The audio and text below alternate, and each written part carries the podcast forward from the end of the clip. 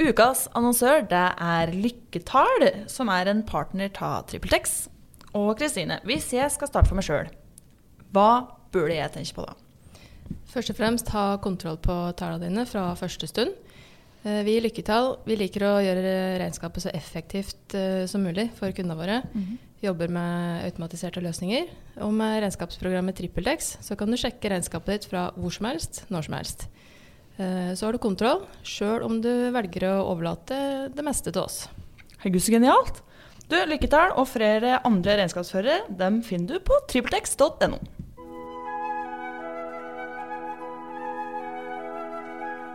Nei, nei, nei.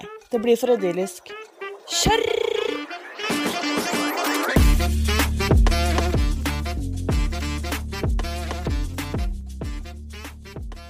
Hei og velkommen til episode fire av Hva har du i sekken? I dag har jeg noen ekstremt kule gjester på besøk. To damer. Mor og datter. De kaller seg eh, Mini og mutter'n, og de skal gå Fader, så langt! De skal gå helt til Sydpolen sammen. Ja. ja. Det er drøyt. Det er litt drøyt. Det er drøyt. Kan ikke dere introdusere dere selv med navn og hvem Litt Forklar litt hvem er dere for de ukjente. Mm, ok, jeg heter Emma. Jeg er 19 år og kommer fra Oslo. Er vel egentlig litt sånn Oslo-jente langt inne, men, eh, men for Oslo-folket så syns de at jeg er litt sånn rar turnerd. okay. Men eh, nei, jeg liker å si at jeg liksom har vokst opp utendørs, fordi det er sånn jeg føler at det har vært. Vi har liksom alltid vært på tur siden jeg var liten, og det er liksom, mange av mine første minner er liksom fra teltet. Mm. Um, og det har liksom alltid vært meg og mutter'n på tur. Og søsknene mine var liksom aldri så interessert i å gå på tur sånn som jeg var. Så det endte alltid opp med å være meg og mutter'n, og jeg liksom alltid drømte om å gjøre, gjøre sånne store ekspedisjoner. Og så har jeg jo gått gradene, da. Ekspedisjonsgradene, som vi kaller det. Mm. Fra, fra sitte i pulken til jeg ble juniorekspeditør, som mutter'n kaller det. Herlig. Til jeg ble seniorekspeditør. og fikk min egen pulk. Og Så ja, nei, det er vel egentlig det. Vi har bare alltid gått mye på tur. Jeg har hengt på slep, og nå er det kanskje bytta om litt, at hun henger litt på slep. Det er kanskje. kult. ja. Mutter'n? Ja, eh, jeg heter Katinka og er da mutter'n eh, som eh, har oppdratt dette vesenet. Jeg har, har vel alltid vært på tur, jeg òg. Siden jeg starta med hundekjøring da jeg var 11. Og har vel gått gradene. Og eh, jobber nå som polarguide i Ausland Explorers. Så jeg går på tur og får betalt for det. Det er jo altså, det er drømmen. Virkelig. Det er veldig kult. Men du, du Jeg begynner med deg. Ok. Ja. du starta med hundekjøring da du var 11, men du har ikke vokst opp i Oslo-gryta, skjønner jeg? Kanskje? Eh, jo, ja. Ikke Oslo, men eh, Bærum. Ja. Vokste opp på Bekkestua. Ja. Eh, så det var vel tilfeldigheter som fikk meg inn i hundekjøremiljøet, men det passet meg eh, veldig bra. Jeg eh, var mye på tur med foreldrene mine da jeg var liten òg. Ikke sånn store turer, men det var liksom den påtvungne søndags- og lørdagsturen. Mm. På ski eller på tur.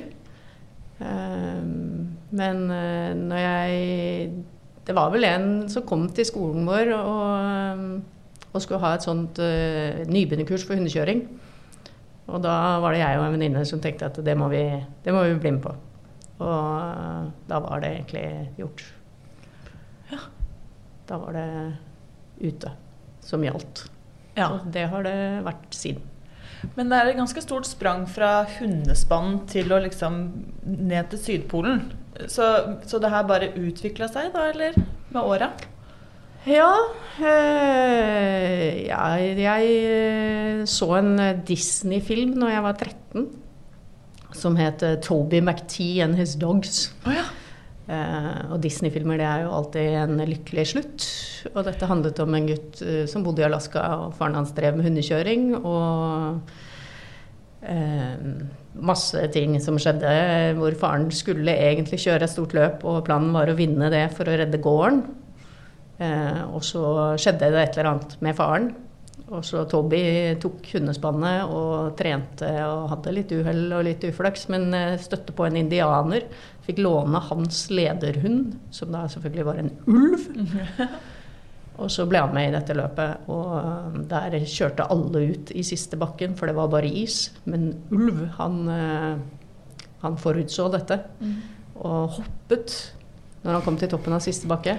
Og hele spannet fløy med bak ulv, og sleden letta, og alt var bare gull. Og så landa de på nedsiden av isvullen og kom i mål og vant. Så tenkte jeg fy flate, hvis det er sånn det er å kjøre hundespann i Alaska, så skal jeg dit. Så sa jeg det til mamma, at jeg eh, flytter til Alaska. Og så sa hun det kan du ikke gjøre, for du er bare 13 år. Så du må gå for det i skolen, og så kan du gjøre det etterpå. Og så tenkte hun sikkert at det glemmer jeg innen den tid. Men det glemte jeg ikke. Så når jeg ble 18 og var ferdig på skolen, så um, kjøpte jeg flybillett til Alaska, og så reiste jeg dit. Enveis. Jeg måtte ha toveis, Ja. så kom jeg ikke inn. Å ja, stemmer. Men, og hvor lenge ble du der, da? Jeg blei frem og tilbake i fem år. Oi! Eh, Så da var jeg jo mye ute, da. Fikk gjøre de tingene jeg syntes var gøy. Og jobba som hundekjører bare et par sesonger, og så havna jeg på fiskebåt. Og jobba som kommersiell fisker på fiskebåt i Alaska i tre somre. Ikke sant? Dette er det, dette er det vi sitter hjemme og ser på på Discovery Channel. Dette her er Lendys Catch. Ja, det er det når hun sitter og ser på det på TV-siden. Oi, han kjenner jeg! Ja, ikke sant? Ikke sant? Det er kult.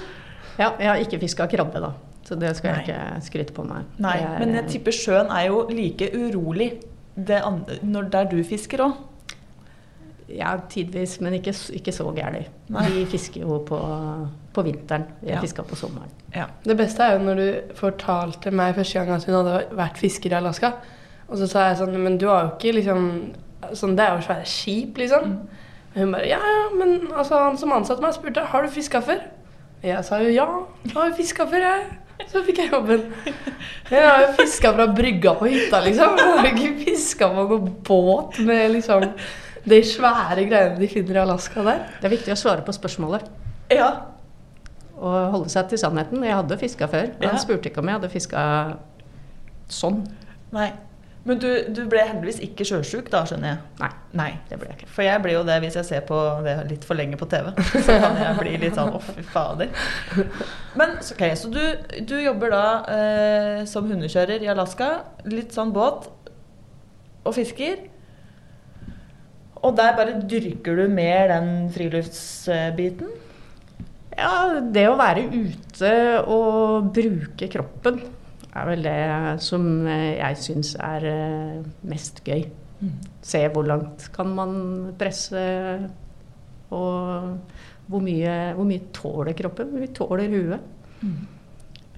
Det tåler mye. Jeg har ikke, jeg har ikke gått over streken. Nei, ikke ennå. Men når er det du hadde din første da langtur? For det Det er jo Én ting er å være ute på helg eller en ukestur, men er, jeg skjønner jo da, i og med at du gjør det du gjør nå, at du har jo vært ute en vinternatt før, og gjerne over ganske lang tid, kanskje? Ja. Eh, Men langtur, hva tenker du da? Ti Nei, dager? da tenker jeg Altså, øh, ja. Alt er eh. Første tidagerstur var jeg 13, tror jeg. Jeg var på Hardangervidda med to kompiser. En kompis som mamma likte veldig godt. Han var 19. Eh, og en annen kompis som var 16. Så jeg tror det var det at mamma likte han på 19 veldig godt, Ja. som gjorde at jeg fikk lov. Ja. Han så veldig ærlig og ordentlig ut. ja. Han var det, håper jeg. Ja, Ja. Stort sett. Eh, Da var vi, kjørte vi hunder på Hardangervidda i påsken i ti dager. Eh, Da ble jeg etterlyst første gang av Røde Kors. ja. Fordi eh, jeg skulle ringe når jeg kom til Finse. Og da var det jo på den tiden det var telefonkiosk på Finsehytta. Ja. Men eh, så blei det dårlig vær. Eh, så vi kom ikke til Finse den dagen. Eh, så da ringte jeg jo ikke. Og så når vi kom eh, dagen etter til Finse, så kom vi liksom Det var mye hundekjørere der oppe på den tiden i påsken. Så kommer det masse folk mot oss når vi kommer inn i campen. Og så ja, ja, er det du som er Katinka fra Krokskogen? Og jeg bare Å, jeg er kjempehes! Alle vet hvem jeg er! Og jeg bare Jepp, det er meg. Du skal ringe mora di, Røde Kors er ute og leter etter Å oh nei. Så da måtte jeg og mamma får en ny avtale om at eh, hvis jeg eh, Jeg ringer hvis jeg finner en telefon. Ja, nemlig. Hvis ikke så går det bra. Ja. Men, fikk, da, men du fikk lov til å på en måte Hun fikk ikke helt skrekken da, så det var ikke sånn at nå får du ikke lov til å gå ut igjen eh, på tidagerstur før du er 18? Nei, eh, jeg tror ikke det var mulig å stoppe det. Nei. Og hun lærte seg vel bare å leve med, med det. Ja. Men det er jo ikke det verste man kan gjøre, det. Som ungdom, å være ute i naturen. Bortsett fra at man ikke på en måte helt vet nøyaktig lokasjon. Nei, nå gjør man jo det. Nå har man jo Ja. trackere og nødpeilesvenner og satellittelefoner og det dekning stort sett overalt og Mm. solcellepaneler og alle mulige sånne ting. Så det er jo mye lettere å holde styr på folk Ja. nå. Men eh, da var det vel litt mer sånn Dette går sikkert bra. Kryss fingrene. Så, men det, det har jo gått bra. Jeg lever jo ennå. Du gjør jo det. Og du kom deg jo etter hvert til Alaska og var der og tråla litt. Og så kommer du tilbake til Norge, eller havner du da et annet land? Nei, da kom jeg tilbake igjen til Norge, og så har jeg jo vært eh, mamma for eh, Emmas storesøster eh, først. Og så mamma for Emma, og så har jeg gjort masse forskjellige rare jobber. Ehm, men uh, kommer tilbake igjen til at jeg helst vil være ute. Så jeg satt vel på kjøkkenet hos uh, min tremenning i Hemsedal og sutra over at jeg ville ut igjen. Så uh, foreslo han en kompis som drev et firma, eh, at jeg skulle snakke med han. Og så gjorde jeg det, og fikk min første jobb der som guide. Og så var jeg i det firmaet i, eh, i noen år. Og så eh, fikk jeg eh, begynne i Ausland Explorers for er det halvannet, to år siden eller noe sånt. Mm. Og der trives jeg veldig, veldig godt. Og siden det så har hun ikke vært hjemme. Nei, nemlig. Nei, for da, nå, da når du mye på reise, eller? Jeg var mye ute i fjor, for da var Emma utvekslingsstudent i USA. Ja. Så da Skyld på hadde jeg ingen hjemmeboende barn, så da tenkte jeg nå kan jeg eh, si ja til alt. ja. Hva var det du regna ut? Du hadde 200 reisedøgn, og 150 av de var i telt i fjor. Et halvt år det i telt. Det er, det er kult. Men er det da hovedsakelig Norge du har vært da, eller har dere vært nede mot Nepal og Sydpolen, eller hvor er det dere befinner dere hen? I fjor eh, så guida jeg vel eh, to Finnmarkskryssinger, en Hardangervidda-kryssing, eh, noen Svalbard-greier. eh, eh, Nordvestpassasjen i Nord-Canada, 20 dager. Eh, Grønland. Grønland eh, 30 dager. Og eh, 47 dager til Sydpolen. Altså Det ingen ser nå, da, er at jeg sitter her og måper. Jeg blir så inspirert og fascinert. Altså jeg, Det er så kult, det. Ja, men sånn helt oppriktig, det syns jeg er helt rått. Ja, ja, det har vært et fint år. Ja, ja Gud bedre. men, men, hvilke, men eh, for å spørre om det, da. Jeg tror veldig mange av, eh, av oss som driver med friluftsliv, vi har jo gjerne noen litt sånne store mål. Altså, vi synes det, man starter gjerne med liksom en, en ukestur ikke sant, på Hardangervidda, og så kanskje man blir fysen på å krysse Svalbard, og så det her, Noen vil gå Kilimanjaro, ikke sant? Men hvor vil du på en måte anbefale at man starter?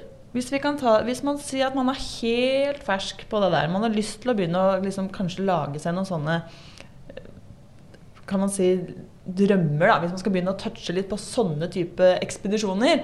For det, eller, eller kan man liksom gå rett inn på Sydpolen? Kjole hei, kjole hopp, liksom. Jeg, ville ikke gjort det. Nei. Jeg ville, jeg ville nok starta, hvis man ikke har gjort noen ting før, så ville jeg nok kanskje starta på sommeren Mm. med en telttur i hagen eller i nærskogen. Og så når man blir liksom komfortabel med å sette opp telt og fire primus eller bål, eller, og hva du skal ha med deg, og sånn, og så bare strekke det ut lenger og lenger. Lenger unna hjemme, flere dager. Gå sammen med noen som kan det kanskje først, og så gå litt aleine. Kjenne litt på, på stillheten og på det å være alene, at vi må gjøre allting sjøl. Og så når vinteren kommer, så er det bare å gjøre akkurat det samme om vinteren. Ja.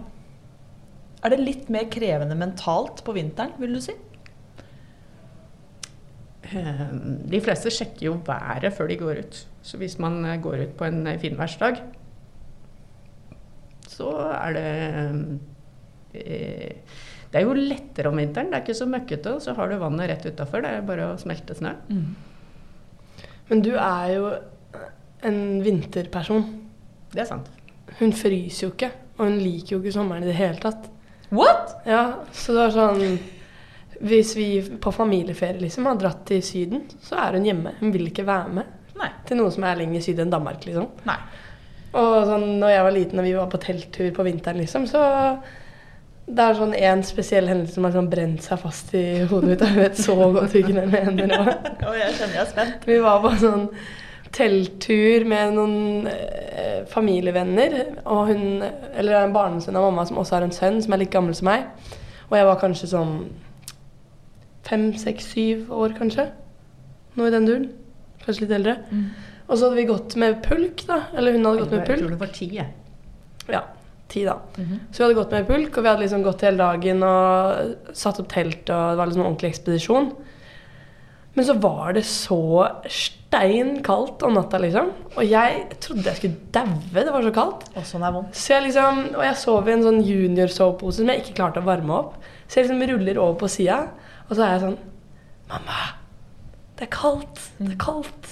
Og Hun er sånn Med liksom posen åpen, så sier hun bare sånn Det er ikke kaldt. Slipp en fis. Og så snur hun seg.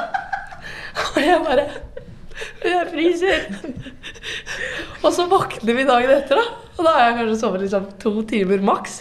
Av at våre familievenner har gått inn til nærmeste hytte og fyrt opp i peisen fordi det var kaldt. Ja. Og de hadde fryst i rumpa av seg. Men nei da, det var ikke kaldt. Det var ikke kaldt.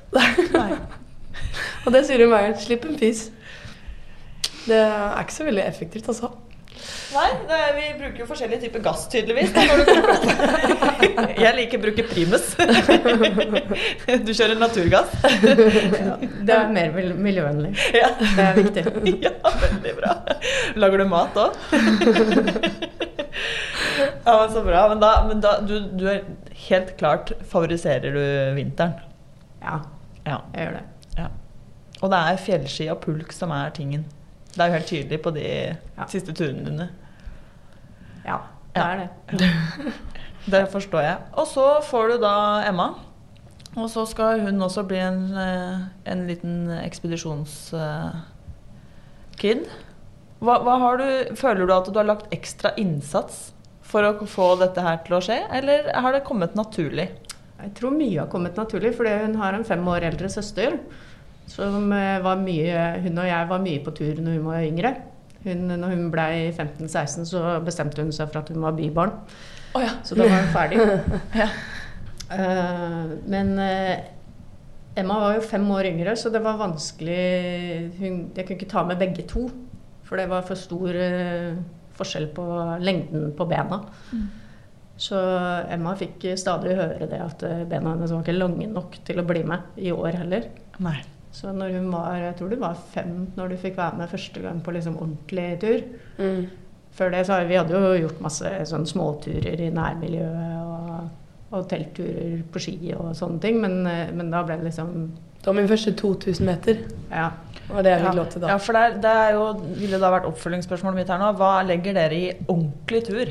Ja, Da dro vi til Jotunheimen, og så hadde, hadde vi en god plan. Vi har alltid en god plan, og det går aldri etter planen. Nei, godt å høre. Sånn er det. Nei, du hadde vel eh, jeg tok det litt, Jotunheimen litt på husken. Ja. Ikke så nøye planlegging, kanskje. Og det har hun gjort ganske mange ganger. Så dag én vi kjørte vi opp til Leirvassbu, og dag én så gikk vi til Kyrkja. Kyrkja. ja Det var min stemmer. første 2000 meter. Da var du fem. Da var jeg fem. Ja, fem eller seks.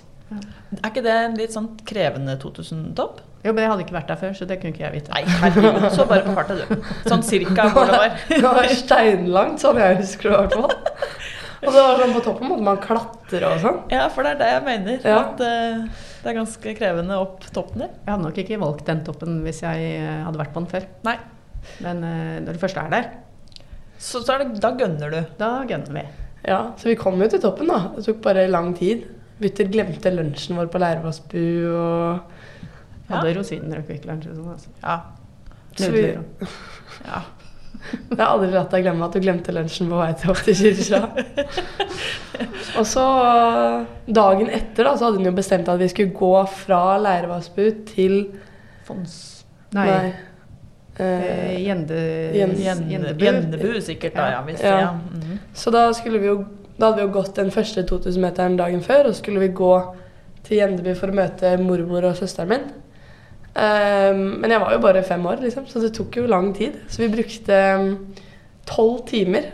Og det var første gang jeg ble meldt savnet til Røde Kors. Da ble dere meldt savna. Da var mormor på hytta. Og skjønte ikke hvorfor vi ikke rakk middagen. Så vi var sånn på vei Vi var, kom jo idet de var på vei ut, da. Og de bare 'Ja, er det dere som er eh, Katinka og Emma?' Vi bare 'Ja, ja, her er vi', liksom. Og de var sånn 'Ja, fint, da funnet dere'. Men, fysør, men nå er jeg jo imponert her òg, for det er fem år og tolv timer eh, Ja. etter en 2000-topp. Det er jo født til det, hun. Ja. Det var jo Hun begynte i friluftsbarnehagen når hun var to. Ja. Eller litt før kanskje du, Jo, det var to. Det var treårsgrense på å komme inn der.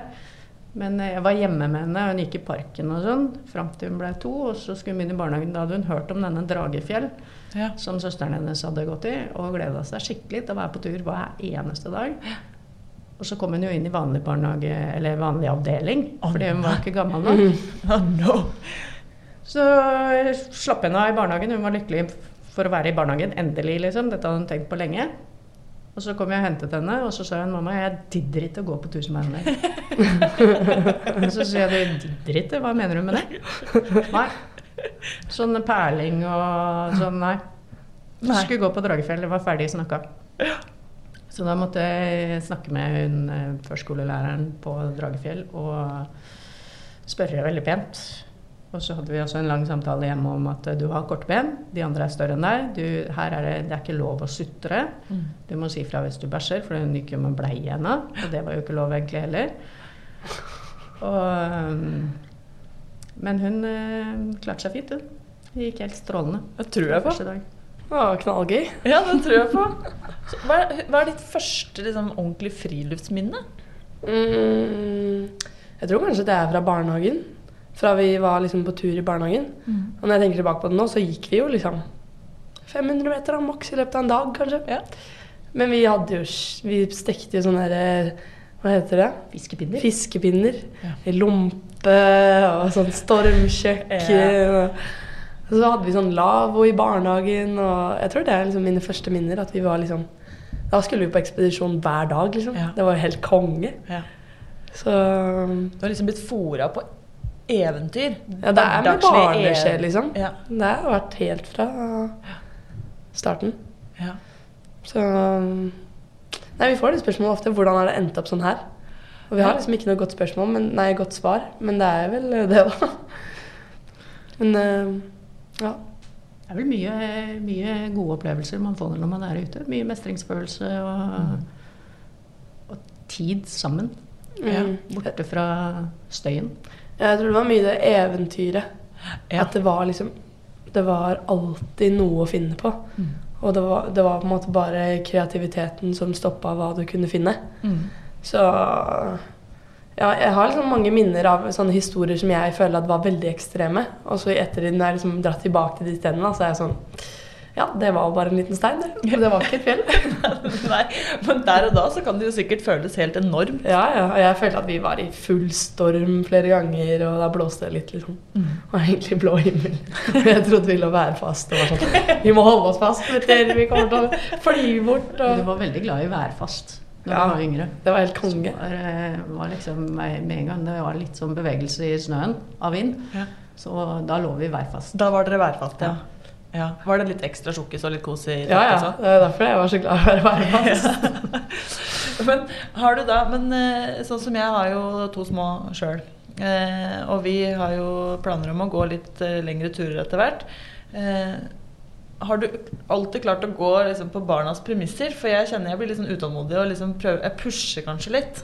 Ja, nei, det må du ikke gjøre. Nei, det er, det er der jeg driter meg ut. Det er, det, er, det er turen som er målet. Ja. Ikke, det er ikke noe mål egentlig med turen før Nei. de blir litt større. Ja.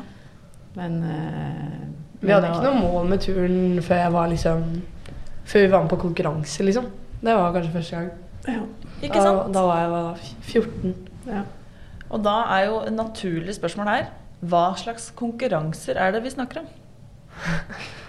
Ja, det eh, Ja, det er jo en artig historie.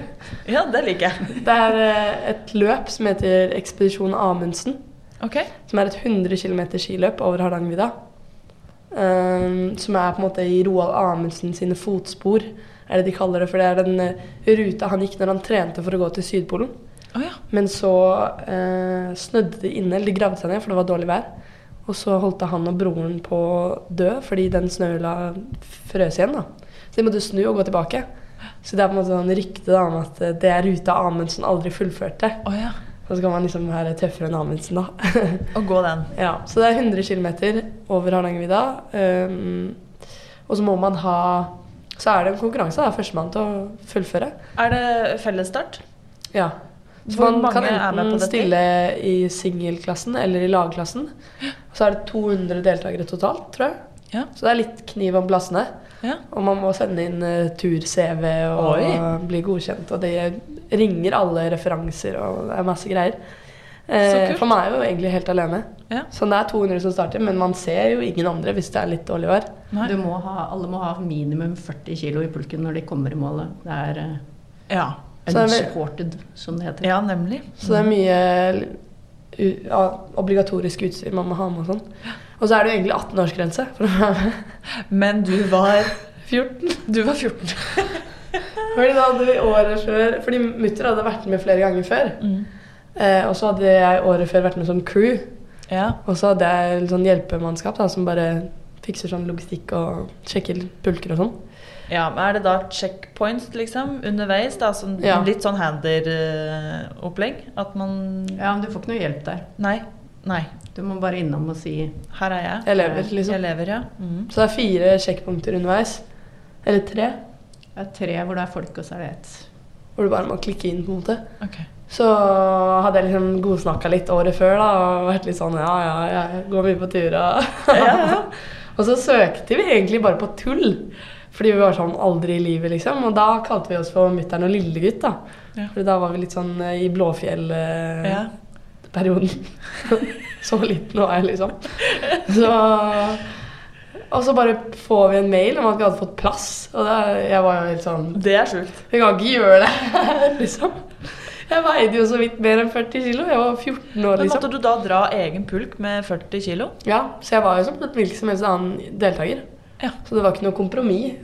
Det var bare at alle satt og hakka tenner mens vi var ute og gikk og var sånn Håper de kommer i mål. Ja, så. Ja. Så det var, men det var helt sinnssykt. Og det året vi, vi gikk første gangen, så var det skikkelig dårlig vær. Og det var whiteout hele veien, og det var kaldt, og vi så nesten ingen andre hele veien. Så det var liksom Det var første gang jeg liksom ordentlig pusha det.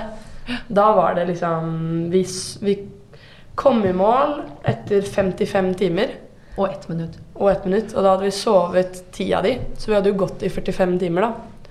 Ja. Hvor vi har sovet liksom to timer her, to timer der, to timer der. Um, og det var, det var spesielt. Altså, det var et tungt år, tung snø.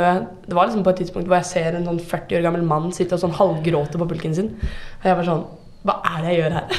Hva er det jeg driver med? Men det er noe med det der å ha et mål, da.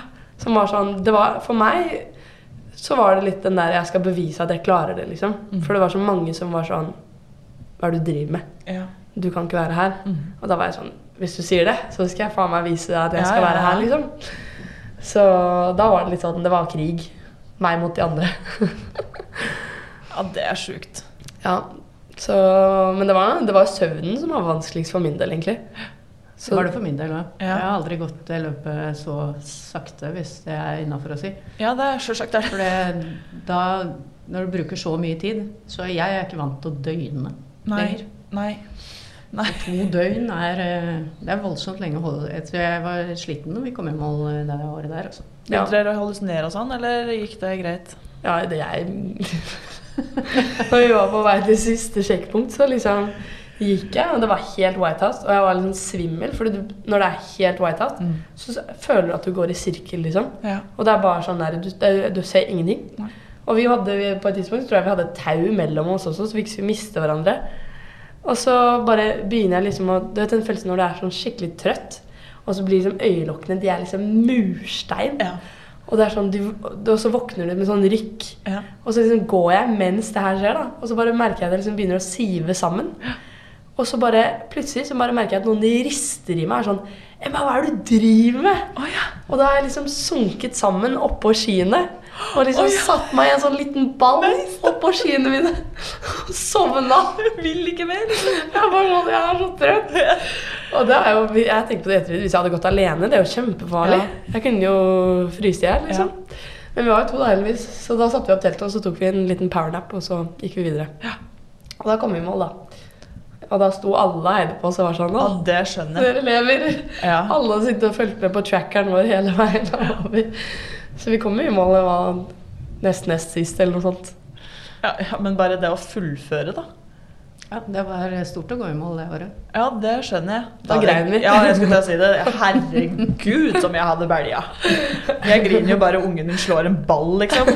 Herregud. Ja, Det er jo helt rått. Men hvor mange ganger har dere vært med nå? Eller ble det med den gangen? Da vi var med året etter også. Ja, for du fikk Eh. lov til å være med som 14-åring da. Ja, så Ja. da var jeg jo blitt 15, og liksom I mellomtiden der så hadde vi vært en tur på Svalbard også. Så da følte jeg liksom at nå var jeg ganske forberedt. Og da, da var jeg litt sånn eh, Jeg visste på en måte mer av hva jeg gikk til. Og så hadde jeg satt opp en sånn tidsplan da, for hvordan vi skulle gå fortere enn året før. Og liksom kutta ned litt sånn søvn her og der, gå litt fortere. Ehm, og så var det mye bedre vær. Det var kjempemye bedre vær, og det har jo alt å si. Da var det liksom blå himmel og god snø og Så da begynte vi fra start, og da hadde mutter akkurat vært på Sydpolen første gangen. Så jeg var litt nervøs for at hun var i veldig god form, og jeg ikke skulle være i god form. Men så hadde jeg egentlig bare bestemt meg for at nå skal vi bare gi bånn gass, liksom. Um, så begynner vi liksom å gå, da, og jeg syns liksom at det går fint, og det er bra forhold og sånn. Og så kom vi til første sjekkpunkt, og så hadde det gått veldig fort. Og så trodde jeg på et tidspunkt at klokka mi hadde stoppa. For vi hadde oh, ja. gått så fryktelig fort på veldig kort tid. Oh, ja. Så jeg trodde at det var noe gærent med klokka. Men så var det bare det at vi hadde gått veldig fort. Rett og slett i ordentlig god form. Ja, ikke jeg. For Nei. jeg eh, hang bak der som et slips og holdt på å dø. Men tenkte at jeg kan ikke, jeg Skuffe kan ikke være liksom. den som sakker tempo, så jeg bare hang på. Ja. Så det, det året var det hun som eh, dro eh, hele lasset. For det, når man går på ski til Sydpolen, så går man sakte. Ja. Så jeg hadde jo gått eh, sakte. Ja. Og det var det jeg var god til. Ja. Jeg var ikke forberedt på dette her eh, insane tempoet som jeg satte opp det året. Ja, Nei, så vi holdt koken. Og så regna jeg ut da, at hvis vi liksom holdt det tempoet, så kom vi til å komme på sånn herre Wall of Amundsen, som det heter. Som hvis du går under en viss tid, så blir du liksom tatt bilde av, og så blir det lagt ut på Facebook. Kult. så jeg var sånn, det skal vi klare. ja. Så da, liksom, da var det bare Det var motivasjonen, det, at vi skulle rekke det. Så vi kutta vel søvnen ned til minimumet, som var åtte timer. Man må sove åtte timer. Det er liksom, eller hvile, da. Man må være på sjekkpunktene i åtte timer. Og så kom vi i mål på 32 timer. Å, fy fader, det er forbedring! Så vi kutta nesten med 24 timer på andre året. Så været har mye å si, da. Og formen, da. Nå, altså, nå skal det sies at været var ikke så veldig bra det året. Nei, men Det var liksom ikke konstant whiteout, men det var jo sikkert noen Men dager så var det vel også litt mer det med at hodet var mer på plass. Visste hva du skulle gjøre, og da oppfattes ting mye lettere. mm. Ja. Så jeg tror ikke det var så stor forskjell på været, men litt forskjell på været var det. Det var kaldere det andre året. Ja. Så det var- Hvor hvor kaldt eh, er det vi snakker når dere ikke har vært ute på tur? Altså Det er ikke noe mer enn 25 eller noe sånt, tror jeg. på det. Nei. Men litt Ja, nei, vind, altså. det er noe mer enn det. Det er kaldt nok, det. Ja, det er kanskje mye kaldere enn det. Altså.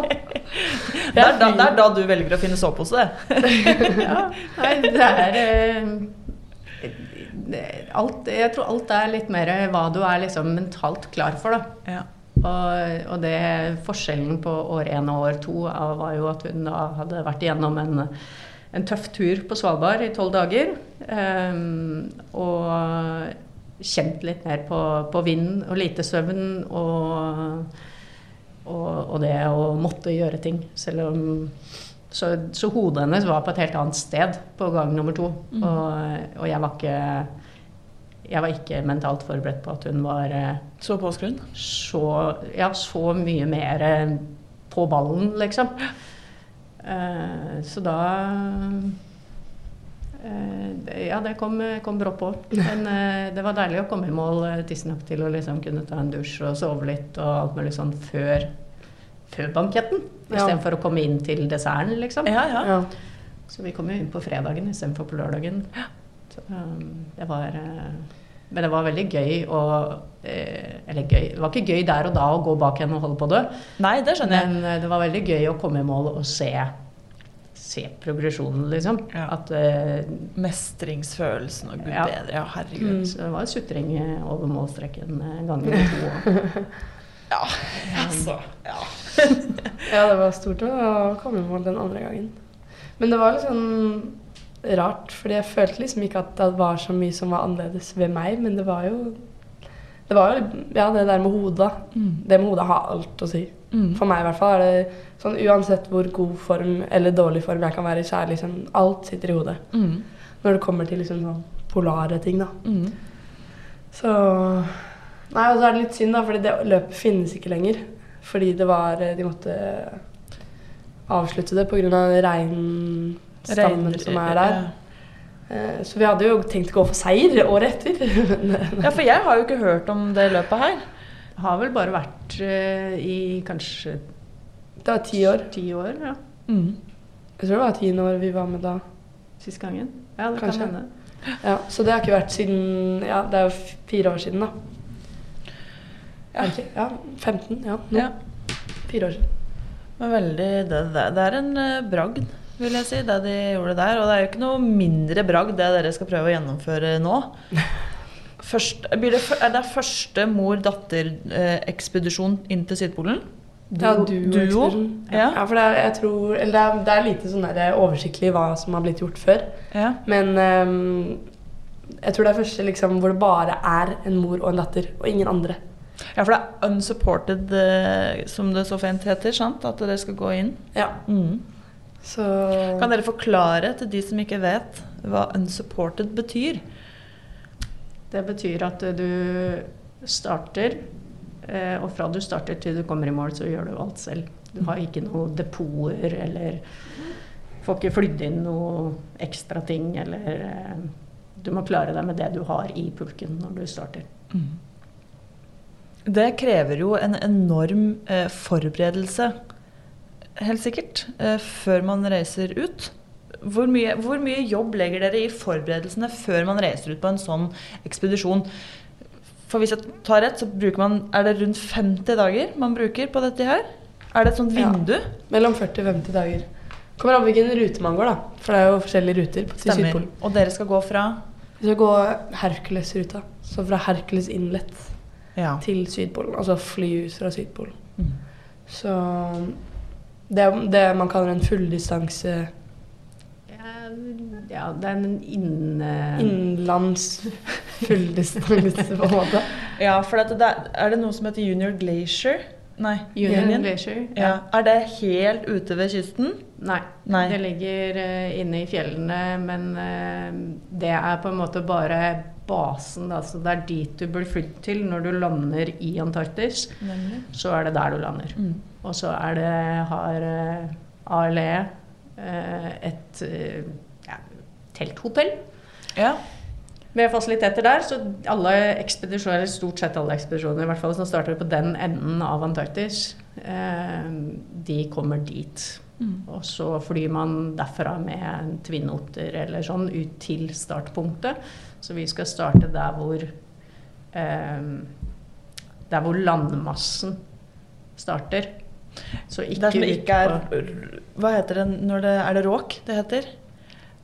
Eh, vil det si at det er der det er fast fast is? grunn, ja, fast grunn under isen. Ja, okay. Fordi isen er jo fast ganske langt ut i havet. Ja. Fordi det er så massivt. Mm. Men hvis du hadde tatt av isen på Antarktis, da, så hadde du stått på land der hvor vi starter. Nemlig. Mens Godt det går også an å starte fra liksom, der hvor vannet er. Ja. Men det er jo da lenger ut. ja. Men det er jo en lang nok tur der. Hvor mange kilometer snakker vi? 1130 meter. Og før vi går inn på det, hva er den lengste turen til nå? Før den Altså, har du gått 1100 km totalt før? Kanskje i livet totalt. Ja. for, for den lengste turen din per nå, den er på over hvor mange dager og hvor mange kilometer? Det må jo være Svalbard. Ja, Svalbard to uker. To uker, ja. Og aner ikke hvor langt det var, jeg. Nei, det husker ikke jeg heller. Nei. Men det er jo ikke 1100 Nei, km. og det er ikke 40 dager. Nei, ikke sant. Men dem, det var noen her som sa at uh, man får en sånn Det er en sånn knekk, et sånn brytningspunkt på hvordan det går med hodet etter visse dager. Uh, at man liksom etter la oss si 12-14 dager, da, så er det noe som skjer. Altså Det er da du vet om du liksom er skapt for det her. Om du skal klare å mentalt innstille deg på å gå Mm. videre, da, eller om hvordan du skal takle det å være ute så lenge. Har du hatt en sånn Har du en sånn, et punkt, Katinka, der du kjenner at nå må jeg begynne å omstille hjernen min, eller er du bare du er, du er så skapt for det her at det her er tut og kjør fra dag én? Eh, høres jo sikkert ikke så bra ut, men eh, det er et ut og kjør fra dag én. Ja, ikke sant? Det er eh, det sekundet jeg kan ta på maskinet, og alle forberedelser er ferdig, så er jeg på tur. Og da kan jeg være på tur Jeg har aldri vært lenge nok på tur. Nei. Så, så jeg har ikke kommet dit ennå. Så vi må bare prøve å strekke strikken lenger. og Se hvor lang tid det tar før jeg må begynne å tenke på det. Ja. For du har jo gått inn til Sydpolen hvor mange ganger? To. To ganger før. Og du har ikke fått den knekken der heller? Nei. Nei. Men jeg, har- jeg har ikke gått denne ruta som vi skal gå, har ikke jeg gått før. Nei. Vi kommer inn på den ruta jeg har gått, men eh, de første 400 km har jeg ikke gått. Nei. Men det blir litt ålreit. Ja. Å oppleve Er det veldig forskjell? Hvis jeg tenker liksom at nei, det er ikke sånn at du føler at du Wow! wow her var det, shit! Her var det jammen annerledes. Det er vel Er det likt omtrent hele veien, bortsett fra at det er noen høydemeter som forseres? Eh, Ja, det er mye likt. Ja. Men eh, samtidig så er det ikke det. Fordi at eh, hver dag er forskjellig, og du må, du må på en måte se etter Du må se etter ting, da. Mm. Hvis du ikke ser etter ting, så blir kanskje alt bare hvitt.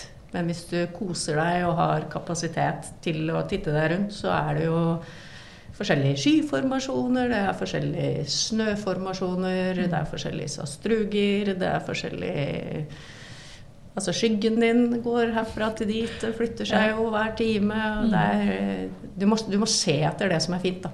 Ja. Eh, og nyte det. Ja. Det er vel eh, trikset. Ja. Kose seg. Kose seg, ja. Jeg hadde sett for meg at jeg kanskje hadde syntes det var litt vanskelig å kose seg i whiteout, eh, 40 minus, mm. vondt i fingra når du skal fyre opp eh, primus og liksom Og du vet at du har igjen 20 dager. Så det er jo, men det er jo der som man Der måtte jeg kanskje ha jobba veldig mye med meg sjøl før jeg dro. Mm. For å sørge for at hodet mitt er på rett sted. Jeg måtte hatt mye Jeg kan si sånn, jeg måtte hatt mye mentaltrening Mm. før jeg dro ut på noe sånt.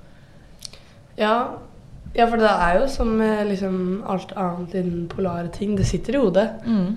Så sånn Ja, for min del i hvert fall, som ikke har liksom gått en, en sånn type ting før, da. Mm. Så på en måte treningen er jo relevant, men ikke så relevant. Fordi alle har jo en grunnform. Mm. Og det er jo en tung pulk vi skal dra, men man, man, man går seg også litt i form. Men det er det derre mentale om at du skal være borte så lenge. Og det er jo gjennom jula og gjennom nyttår og liksom den tiden man egentlig forbinder med liksom å være med familien og slappe av. og Så skal man sitte der ute, liksom.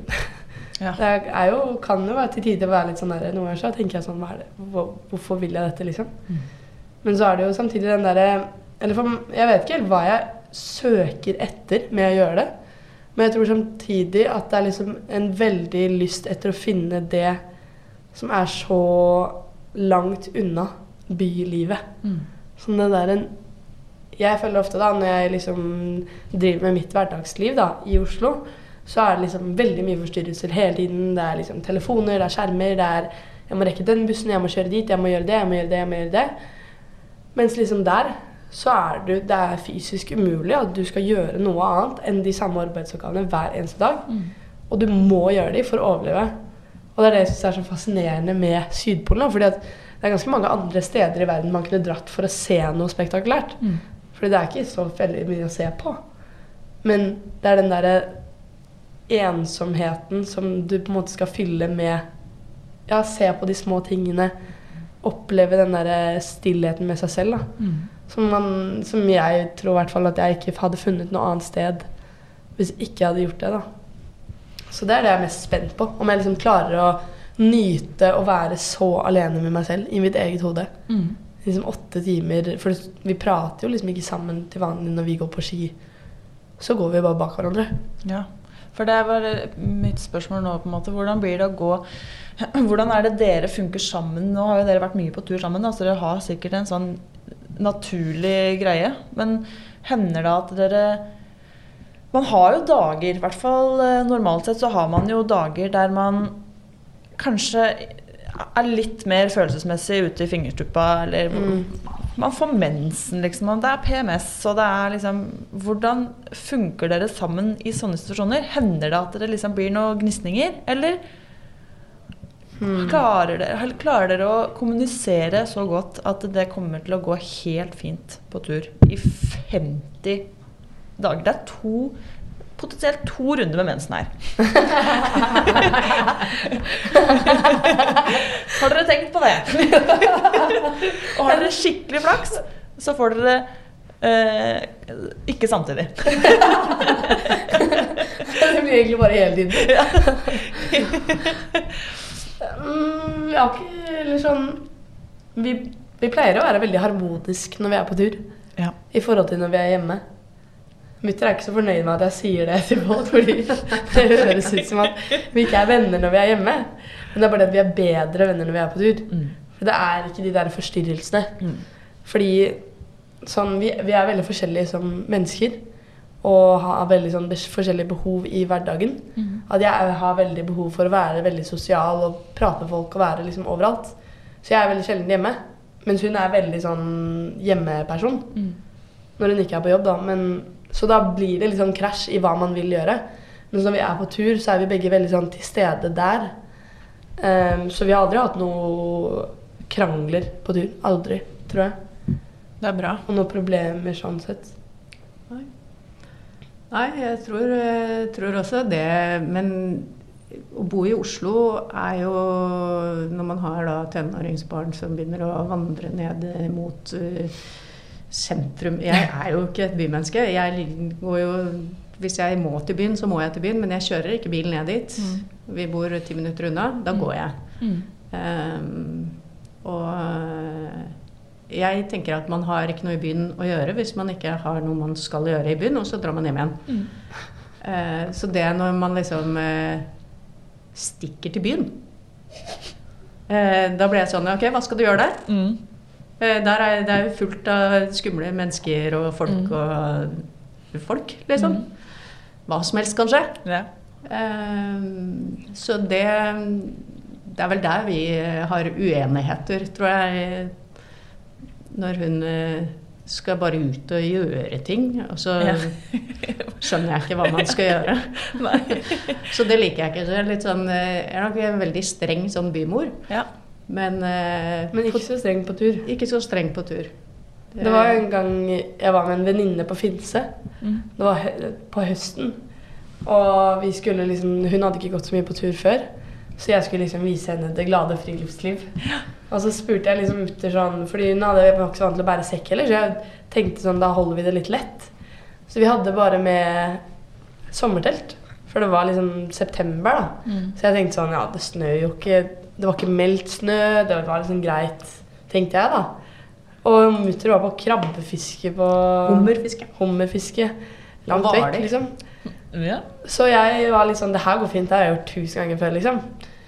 Så vi er på Finse da, og går eh, ikke så veldig langt. Og bare liksom setter opp teltet og koser oss. Og så bare plutselig blåser det opp til full storm. Og det begynner å snø, og det begynner å regne, og det blir snøstorm.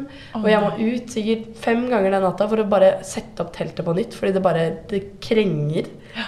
Og så tenker jeg sånn Ja, det var jo fint, da. Hun er jo traumatisert, Ja. venninna mi.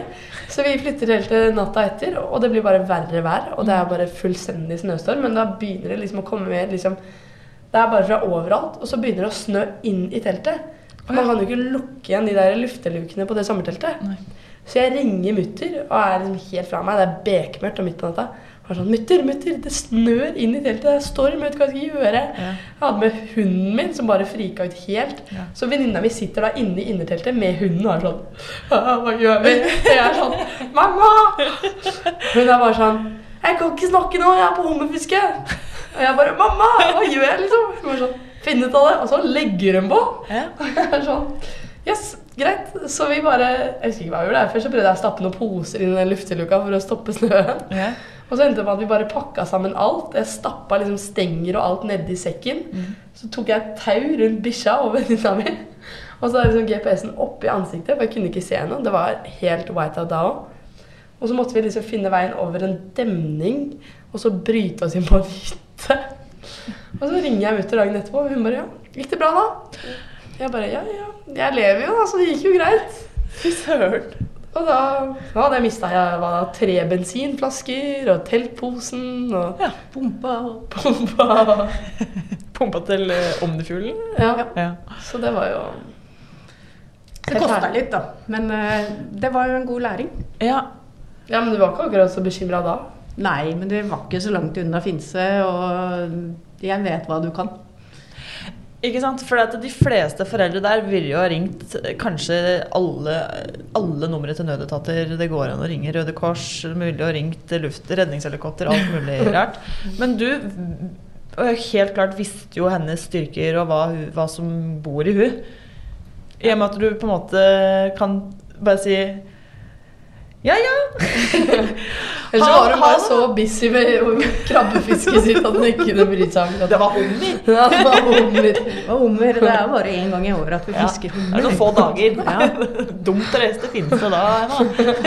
Nei, men det var jo veldig fint lite jeg kunne gjøre. Altså, Ja. Vi var jo ute på en eller annen øy i Hvalerskjærgården Ja. og surra rundt. Vi har ikke en båt som går i over sju knop for full musikk, så det hadde jo ikke kommet meg til Finse uansett. Nei. Så, men det, det handler mye om å lære det å komme seg ut av den der panikken. Ja. For at i panikk så gjør du, gjør du mye dumt. Ja. Så du, du kan ikke ha panikk. Du må ta deg sammen, Mm. og så må du fokusere på hva du kan gjøre noe med. Mm. Og det var jo fullt mulig å gjøre noe med. Stasjonsbygningen på Finse er alltid åpen. Mm. Eh, man kan eh, Man klarer seg. Mm. Og altså, hadde teltet forsvunnet, så hadde teltet forsvunnet. Mm. Men uh, uh, det, det er mye, mye læring i dårlig vær, da. Ja, Veldig mye Mm. læring i dårlig vær. det er jo helt tydelig. Har du vært redd for vær etterpå? Nei. Egentlig mindre redd. Ja, ikke sant? Fordi at, måte, jeg veit at det går bra. Og liksom Vi har vært igjennom såpass mye dårlig vær at sånn Uansett, altså, så Teltet er jo der, liksom. Mm. Hva er det som kan skje? Ja. At det blir borte. Og da graver det ned i pulken, liksom. Mm. Så jeg tror, Og det er liksom noe som jeg har tenkt på de siste årene også, som har liksom hjulpet meg i livet òg. Sånn Det går alltid bra. Ja. Og så, ja, det går jo ikke alltid bra. Det er jo derfor folk forsvinner i fjellet, liksom. Ja. Men, eh, men hvis man har på en måte gjort de forberedelsene man trenger, og man vet hva man skal gjøre, så går det jo som oftest bra, i hvert fall. ja. Og at det liksom er en litt sånn lærdom i, generelt i livet òg, da. At det er ikke så farlig med liksom å komme seg dit eller gjøre det eller sånn og sånn, sånn. Så lenge man liksom har det bra der og da og gjør det man trenger, så går det liksom bra. Mm. Så gjør det vel også mentalt med deg at du tenker litt mer enn neste gang, da. ja.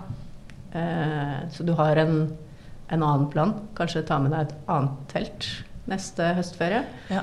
Kanskje eh, er litt mer obs på hvilken retning vinden kommer fra, Mm. og hvilken retning vinden er meldt fra. Mm. Eh, så det er mange, mange sånne ting som eh, eh, som, som man lærer av, av dårlig vær, og at jeg sitter hjemme og sier at det kan komme dårlig vær, og dere må tenke på ditt, og dere må tenke Mm. Det er ingen tenåringer som gidder å høre på det likevel. Nei. Eh, men eh, ja, å lære seg ting gjennom erfaring er eh, Og jeg vet at hun kan alle disse tingene. Mm. Eller kunne alle disse tingene når hun var der oppe. Så min mann var jo litt mer stressa og mente at jeg, burde hjelpe henne mer. Og så sa jeg men jeg får jo ikke gjort noe. Hun klarer dette her. Du må på en måte, vi må bare stole på at dette går bra. Eh, så hun hadde jo med seg nødpeilesender, og hun hadde med seg GPS som hun kan bruke. Eh, hun hadde markert hvor Finse var hen, hun hadde markert hvor eh, teltet sto hen. Mm. Eh, så det var ikke det var, det var ingenting som tilsa at dette var en farlig situasjon, Nei. Det var bare en litt krevende situasjon. Ja, det er klart. For det er forskjell på det. Ja. Ja. Ja, og krevende er jo ikke hun dør, det dårlig. du dør ikke nødvendigvis av krevende. Nei. Nei. Men det er også det jeg tror jeg syns er litt sånn spennende med det. eller Sånn det som gir meg litt motivasjon. Det er det derre Du er faktisk nødt til å gå videre. Eller du er nødt til å ta et valg. Eller sånn når du er ute, da. Du kan ikke bare legge deg ned og begynne å grine. Nei. Da går det ikke bra. Og det er litt sånn Det er litt sånn fryktinngytende, men også litt sånn spennende. Ja. Jeg føler kanskje at man føler at man lever litt mer da. Ja. Så det er noe gøy. Også litt den der deilig å kjenne at man putter de erfaringene i sekken.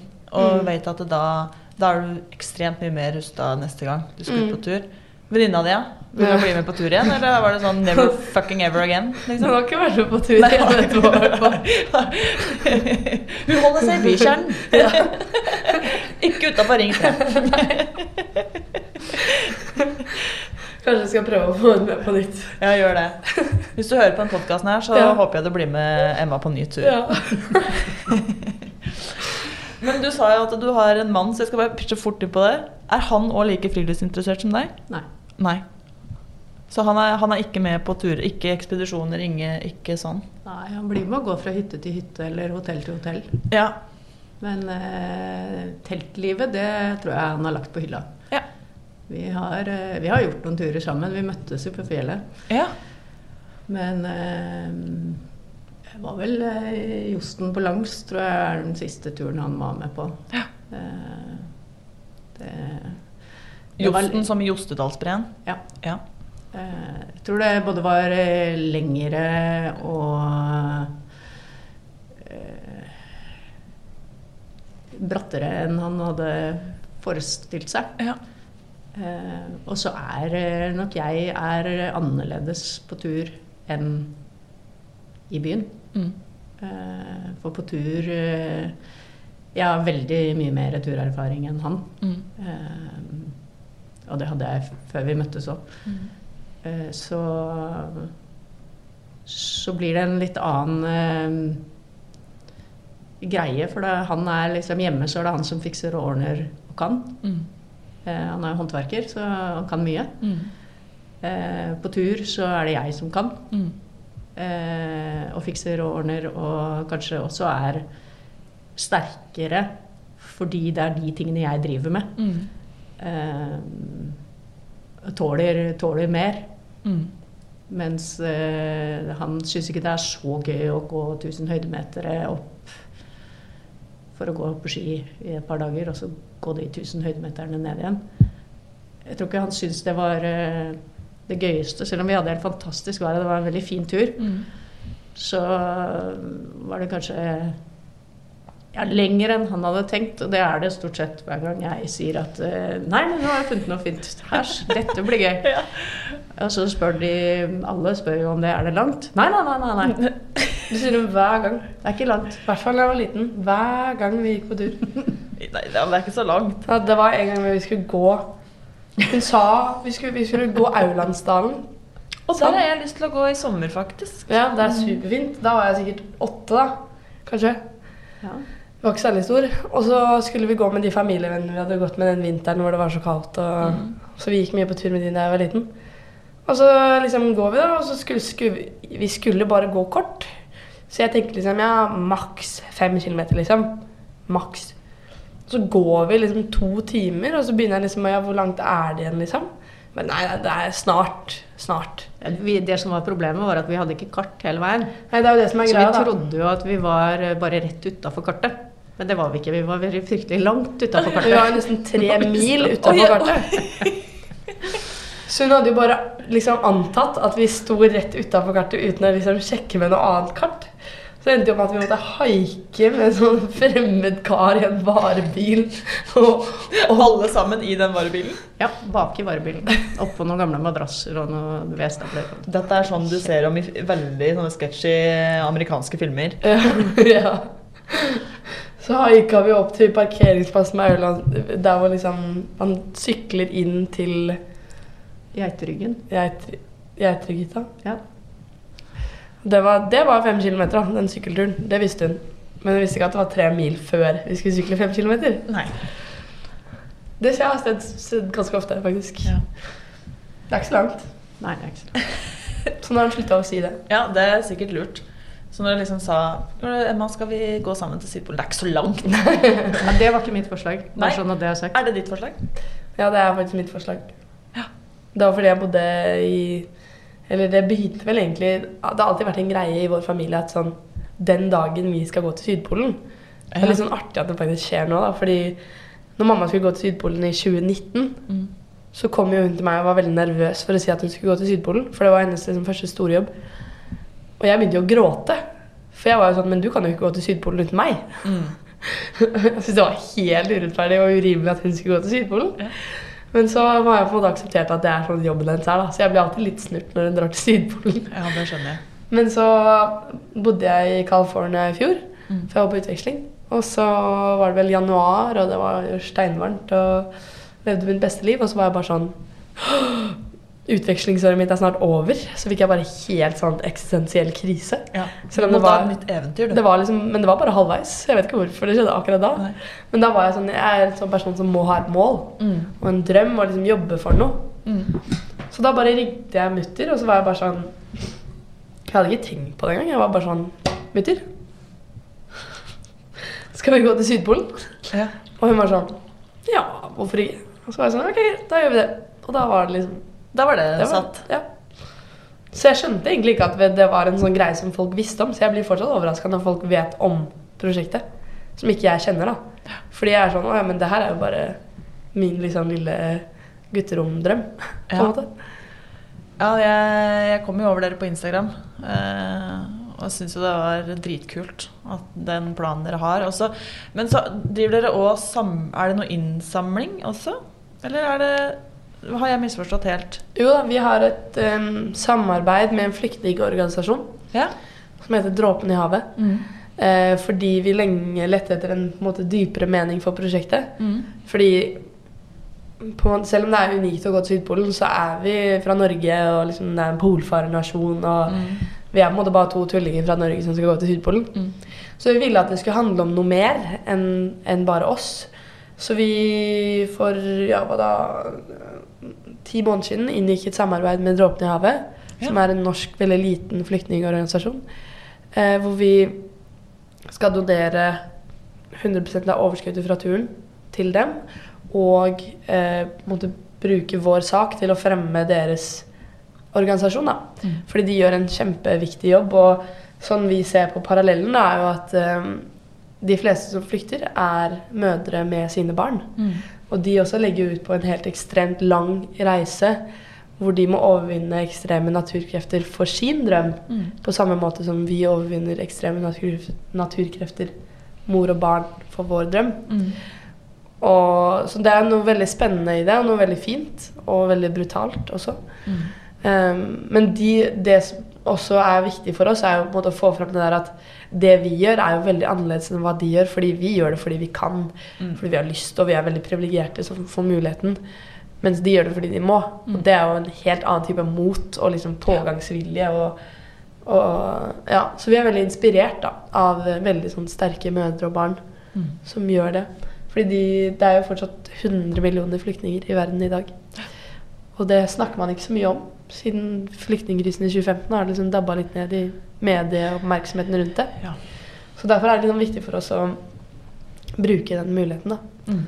Så det jeg syns det gjør at prosjektet er mye mer spennende. Ja, Og det gir jeg. en sånn dimensjon Mm.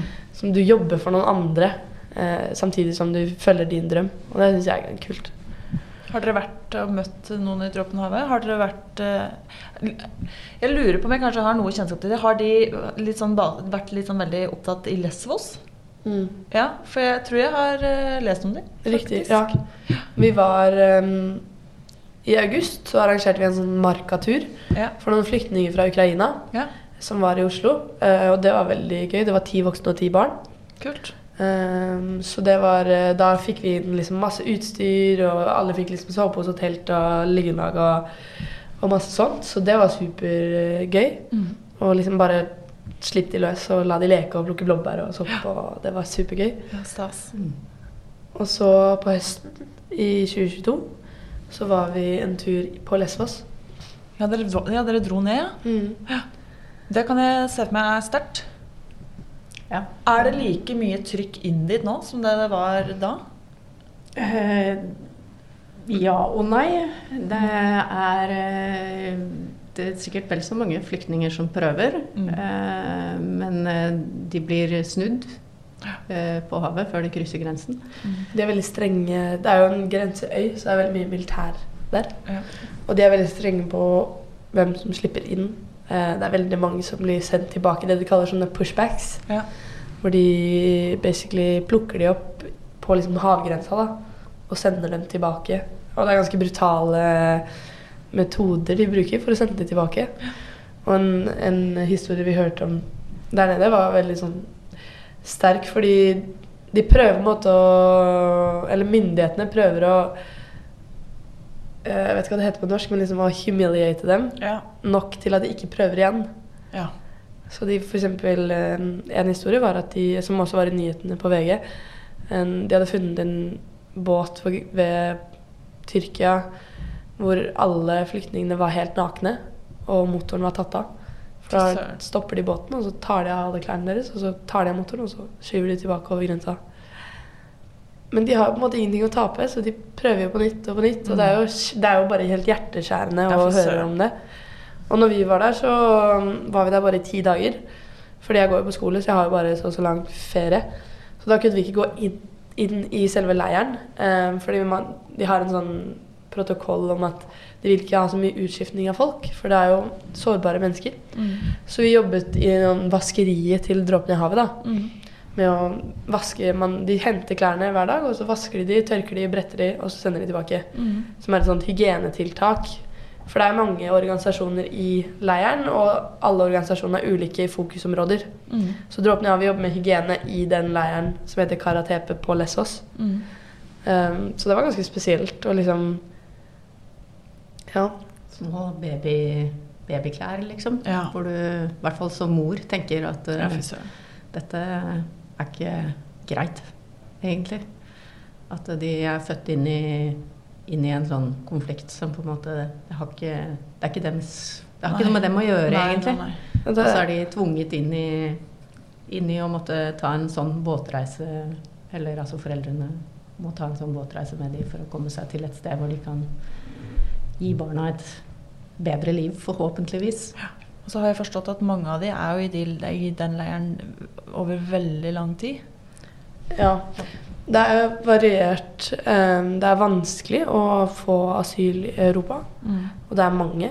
Eh, I den leiren vi var i, så tror jeg gjennomsnittstiden for å være der er mellom ett til tre år. Mm. Eh, Men jeg er ikke helt sikker på det.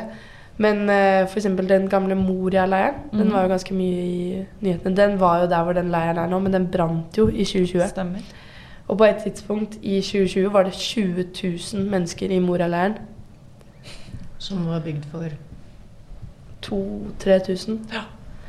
Så det er, det er jo bare hjerteskjærende. Og leierne leirene er tørret som fengsler fra utsiden. Mm.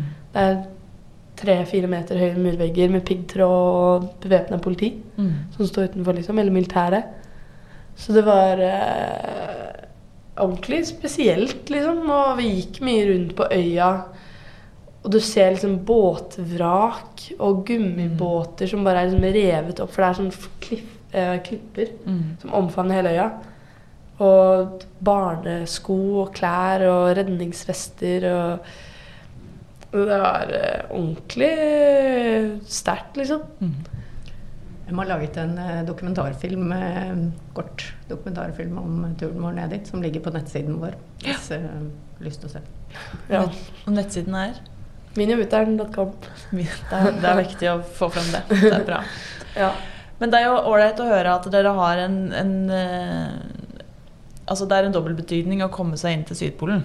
Altså at Ja. dere har med det, det her. Det er jo helt fantastisk. ja, og det er jo Jeg føler at eh, det kanskje gjør at vi eh, bruker det til noe. Mm. At vi ikke bare kaster bort en så unik mulighet fordi at vi har lyst, liksom. Eh, så det er jo en veldig viktig del. Men det er vanskelig å forklare det, syns jeg noen ganger. Ja. Eh, I forhold til liksom, ja, når man er i møter med f.eks. sponsorer og sånne type ting. Å få det kortfattet, Mm. men forståelig. Og, og at folk forstår hvor viktig det er for meg, da. Det syns jeg er vanskelig å få fram. Fordi at mange naturlig går til den derre Å ja, men de bare grønnvasker. Ja. Det er mange som har jeg fått liksom hørt. Og så syns jeg det er liksom vondt, fordi Det er jo en sak som, eh, som vi faktisk eh, brenner for. Mm. Ja, altså når man liksom legger ned mye tid og innsats i noe, og så kommer det bare tilbake at Ja, men dere bryr dere jo ikke. Og så er det sånn, men hvordan skal jeg vise deg at jeg bryr meg? er veldig vanskelig, fordi man har, eh, du har 20 minutter på et møte, du har 30 sekunder på en pitch, du har Mm. Ikke sant? Hvordan skal jeg vise min passion overfor en, eh, en sponsor? Så det er vanskelig. Det er en veldig fin balanse å prøve å få til. Jeg tenker at dere må sende denne episoden her til Ja. eh, alle, alle fremtidige samarbeidspartnere. Så innen november så burde det her være veldig bra. For det, hvis man hører på det her, så skjønner man jo at det her, det her bryr dere deg ikke om. Liksom. Ja. Det, er jo ikke noe, det er jo ikke noe lure på heller. Nei. Man ser jo, nå ser jo ikke alle de som hører det her, men man ser jo at dere gløder når dere prater om, om det. Så Ja. Det er, eh, men det er, eh, det er jo ikke en sånn eh, Jeg tror kanskje dette er noe vi begge har med oss fra liksom, å ha bodd i USA, da, hvor det er veldig mye sånn race awareness Mm. for ditt og for datt og for sånn. Det er liksom mer en tradisjon for det der, mens her i Norge så er det ikke det. Eh, så gikk til, når jeg gikk til Sydpolen første gangen, så, så mistet jeg en venninne til kreft like før jeg skulle reise. Eh, og det var den første gangen vi gjorde noe sånt. For det, jeg gikk jo til Sydpolen som jobb. Eh, så sånn sett så var ikke det eh, en naturlig ting å gjøre, men jeg spurte han jeg skulle guide om det var greit for han at jeg på en måte brukte den turen til å samle inn penger til Kreftforeningen. Så da fikk vi et firma til å betale x antall kroner per kilometer gått. Mm. eh, I tillegg til at vi fikk et Vipps-nummer fra eh, Kreftforeningen. Mm. sånn spleis-typ. Ja. Og um, da jentene la ut oppdateringer på, på den Kreftforeningen-siden og på min side og sånn, med link til hvor man kunne eh, betale inn hvis man ville det. Så, så det var jo første gang vi gjorde det, og så at det Selv om det ble kasta sammen på ti minutter, liksom, Mm. så, så hjalp det. Mm. Um, vi fikk inn uh, 80 000, tror jeg. Ja. Kjempebra. Uh, Så da føler man liksom at uh, Ja. Ok, da har man bidratt litt, da. Mm. Mm. Eh, jeg vet ikke hvor mye forskning man får gjort for 80 000, men hvis alle drar inn litt, så, Man så får gjort mye mer enn når man fikk null. ja. Mm. Så det er jo 80 000 er jo helt fantastisk. Mm. ja, så da ble det liksom ja, en mer betydning av å, av å gå den turen, selv om jeg Ja, det var jobb. Så, Mm. så var det allikevel Jeg følte, følte at jeg fikk gitt noe tilbake igjen, da. Mm. Så Deilig å Ja. ha den ja, som en litt sånn rosin. Ja. Ja. Ja. Så tror jeg liksom, i hvert fall med det at vi liksom får bruke, eller får samarbeid med Dråpen i havet også, Mm. så lærer vi så mye mer. Mm. Vi får jo så mye igjen for det, fordi man hører de historiene, og man får prate med mennesker, og de liksom, de menneskemøtene da, gjør liksom alt så veldig mye verdt, eller det gjør alt veldig verdt det da, for det er jo mye jobb. Mm. Å, stå, å drive et sånt her prosjekt er kjempemye jobb, Mm. og det er masse penger som skal inn, og det er supervanskelig å finansiere. Mm. Fordi at Særlig nå, det er jo økonomiske nedgangstider, så folk kaster jo ikke penger etter deg.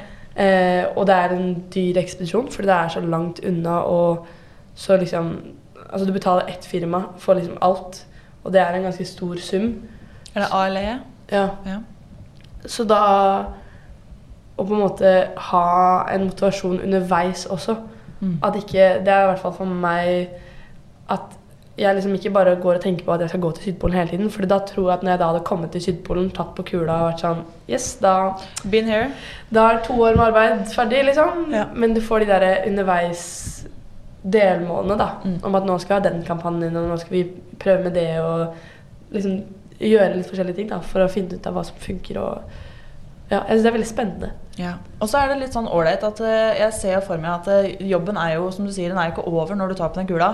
Når du kommer hjem, ikke Ja. sant, så skal du helst Jeg vil jo håpe og tro at det blir noe foredrag ut av det her, kanskje. At dere skal fortelle om hvordan det gikk. ikke sant? Dere må jo komme hit igjen, snakke om hvordan det gikk. For å høre om det ble noe krangling. Så det, det vil jo, ved å ha et sånn tilleggsprosjekt i prosjektet, Ja. vil jo kunne bidra til at, det er, at man lever lengre på eventyret, da, kanskje. Ja. ja, det er sant. Det er mange som lever lenge på ekspedisjonene som de gjennomfører. Ja, Så absolutt. vi får se. vi får se. Kanskje det er, kanskje det er polfare jeg skal bli. Jeg tror ikke dette er det siste vi hører fra Emma. Sånn. Og Katinka, for den del. Den duoen her, den tror jeg kommer for å bli. Eh, Jeg spurte dere jo eh, før dere kom om dere hadde noen gode svar på hvis jeg stiller dere spørsmålet Hva har dere alltid i sekken? Så håper jeg dere har klart å pønske ut noe. Ja, det diskuterte vi i bilen på vei hit. Ja. Eh, det jeg i hvert fall alltid har i sekken, er en sånn eh, gazoo, som det heter. At det var. Det er en sånn Jeg tror det heter det i hvert fall. Det er, det er en sånn, jeg burde tatt med, men jeg tenkte ikke på det før jeg kom hit. Men det er en sånn liten eh, blåseinstrument okay. som er av plastikk, og så er den liksom 10 cm lang. Og så må på en måte lage en slags lyd inni den, og så blir det sånn lyd ut. og jeg alltid spiller en trall på når jeg gjør et eller annet ute. Så den har blitt litt ikonisk nå, og jeg stadig vekk så finner jeg den nye steder. Da, så da er jeg sånn, her er den, og så må jeg spille en liten trall. Det er kult. Ja, Så den er alltid Jeg skulle skikkelig ønske at du hadde den med deg. For Ja. jeg, jeg er litt usikker på om du klarte å vise lyden Jeg, jeg klarer ikke å skjønne helt lyden. Jeg, jeg lurer på om eh, den var eh, en del av noe fotballgreier eller noe sånt. I hvert fall inni hodet mitt. Ja. En eller annen fotballturnering, verdensmesterskap eller et eller annet sånt. En sånn liten, utrolig fæl lyd på. Eh, gir overhodet ingen mening. Eh, Kanskje jeg kan spille av lyden. Så kan man men høre. eh, den, eh, den gjør at man begynner å le. Ja, Og det er viktig. ja det er viktig. Så hvis, eh, hvis vi potensielt skulle råke ut for litt dårlig stemning, så kommer nok den kjapt opp av lomma. Da til. er det ga gazoo. Jeg tror det heter gazoo, men jeg er litt usikker. Men jeg har ikke sett noen som har en lik en. Hvor kjøper man gasu? Aner ikke. Hvordan har... fikk du denne gassuen? jeg, har, jeg har hatt den i Den har bare alltid vært der. år og dag. Det er bare Du våkna en dag, og så lå den på nattbordet. Eh, Men den er, eh, ja, den er litt sånn ikonisk for eh, Det er viktig å holde humøret oppe, da. Ja. Ikke sant? Og hvis man har én ting som alltid man begynner å smile av, Mm. så må den være med. Ja. Emma leter febrilsk etter gassur-lyd. Ja. Uh, Det var eh, i hvert fall da vi var i Gausdal eh, på telttur, så hadde du Spilte du Eller var det på Finse? jeg tror det var på Finse. Mens Emma leter, da, så er det du alltid har i sekken din. Eh, trombone. Kontrabass. Kontrabass. Ja, jeg tenker det er greit med noe som er lett. Ja. Uh, nei, hva jeg har eh, Jeg har en sånn indre livsglede, jeg tror jeg, i sekken min alltid. Ja. Og, Så eh, deilig. Det er bare ekstatisk over å være ute. Ja. Kunne skru av telefonen eh, og bare kose meg. Ja. Eh, hvis vi skal plukke én ting, som jeg alltid har med, så er det vel å ha med meg en Kindle. Veldig glad i å lese når jeg er ute. Ja. Eh, og den er eh, overraskende god på å holde batterikapasitet eh, i kulda. ja, for det er en sånn pad, bokpad, på en måte. Ja. Eller sånn tablet. Ja. Og den kan du fylle med masse bøker, så hvis man ligger værfast, så eh, er det bare å starte en ny bok. Um, jeg ikke, hører aldri på musikk eller uh, sånne ting når jeg Bortsett fra når Emma drar fram instrumentene sine. Ja. Da hører du Ja, på da Men, eh, men ikke, jeg går ikke med podcaster eller musikk på ørene. jeg går. Nei. Jeg liker, eh, liker veldig godt lyden av ski mot snø. Eh, så det er uh,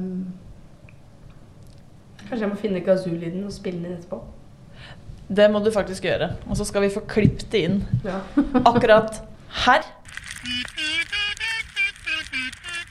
Og det var kazoo.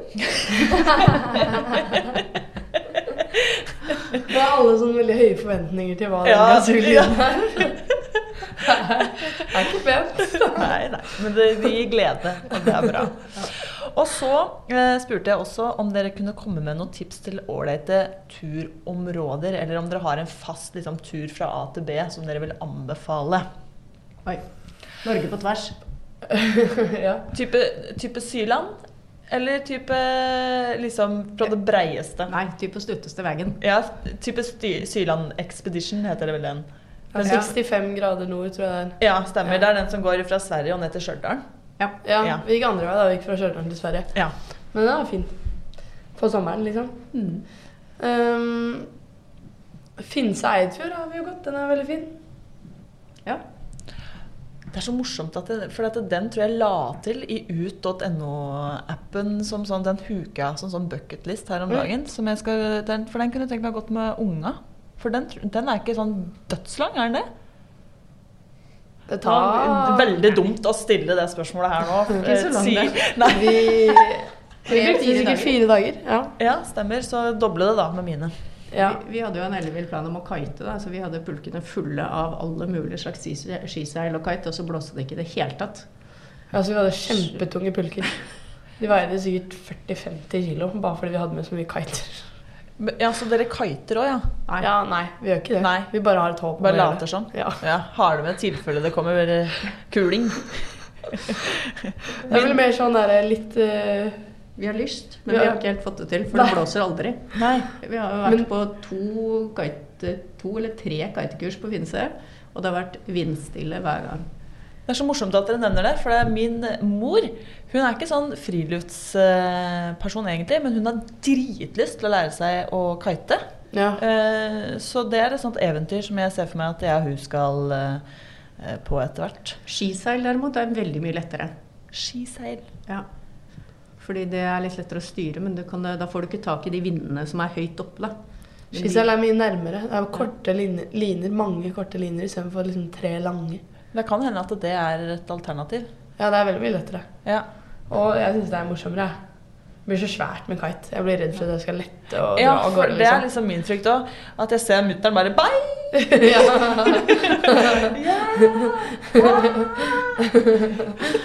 Det er litt leit. Skiseil, skiseil kan du på en måte bruke fjellski. Altså hvis du, hvis du går en skitur på Hardangervidda, da, og så plutselig så kommer det vind som går den veien som du skal, så kan du ta opp et lite skiseil, og så kan du seile den veien. Eh, kite, så, så, så må du ha alpint utstyr, da. Mm.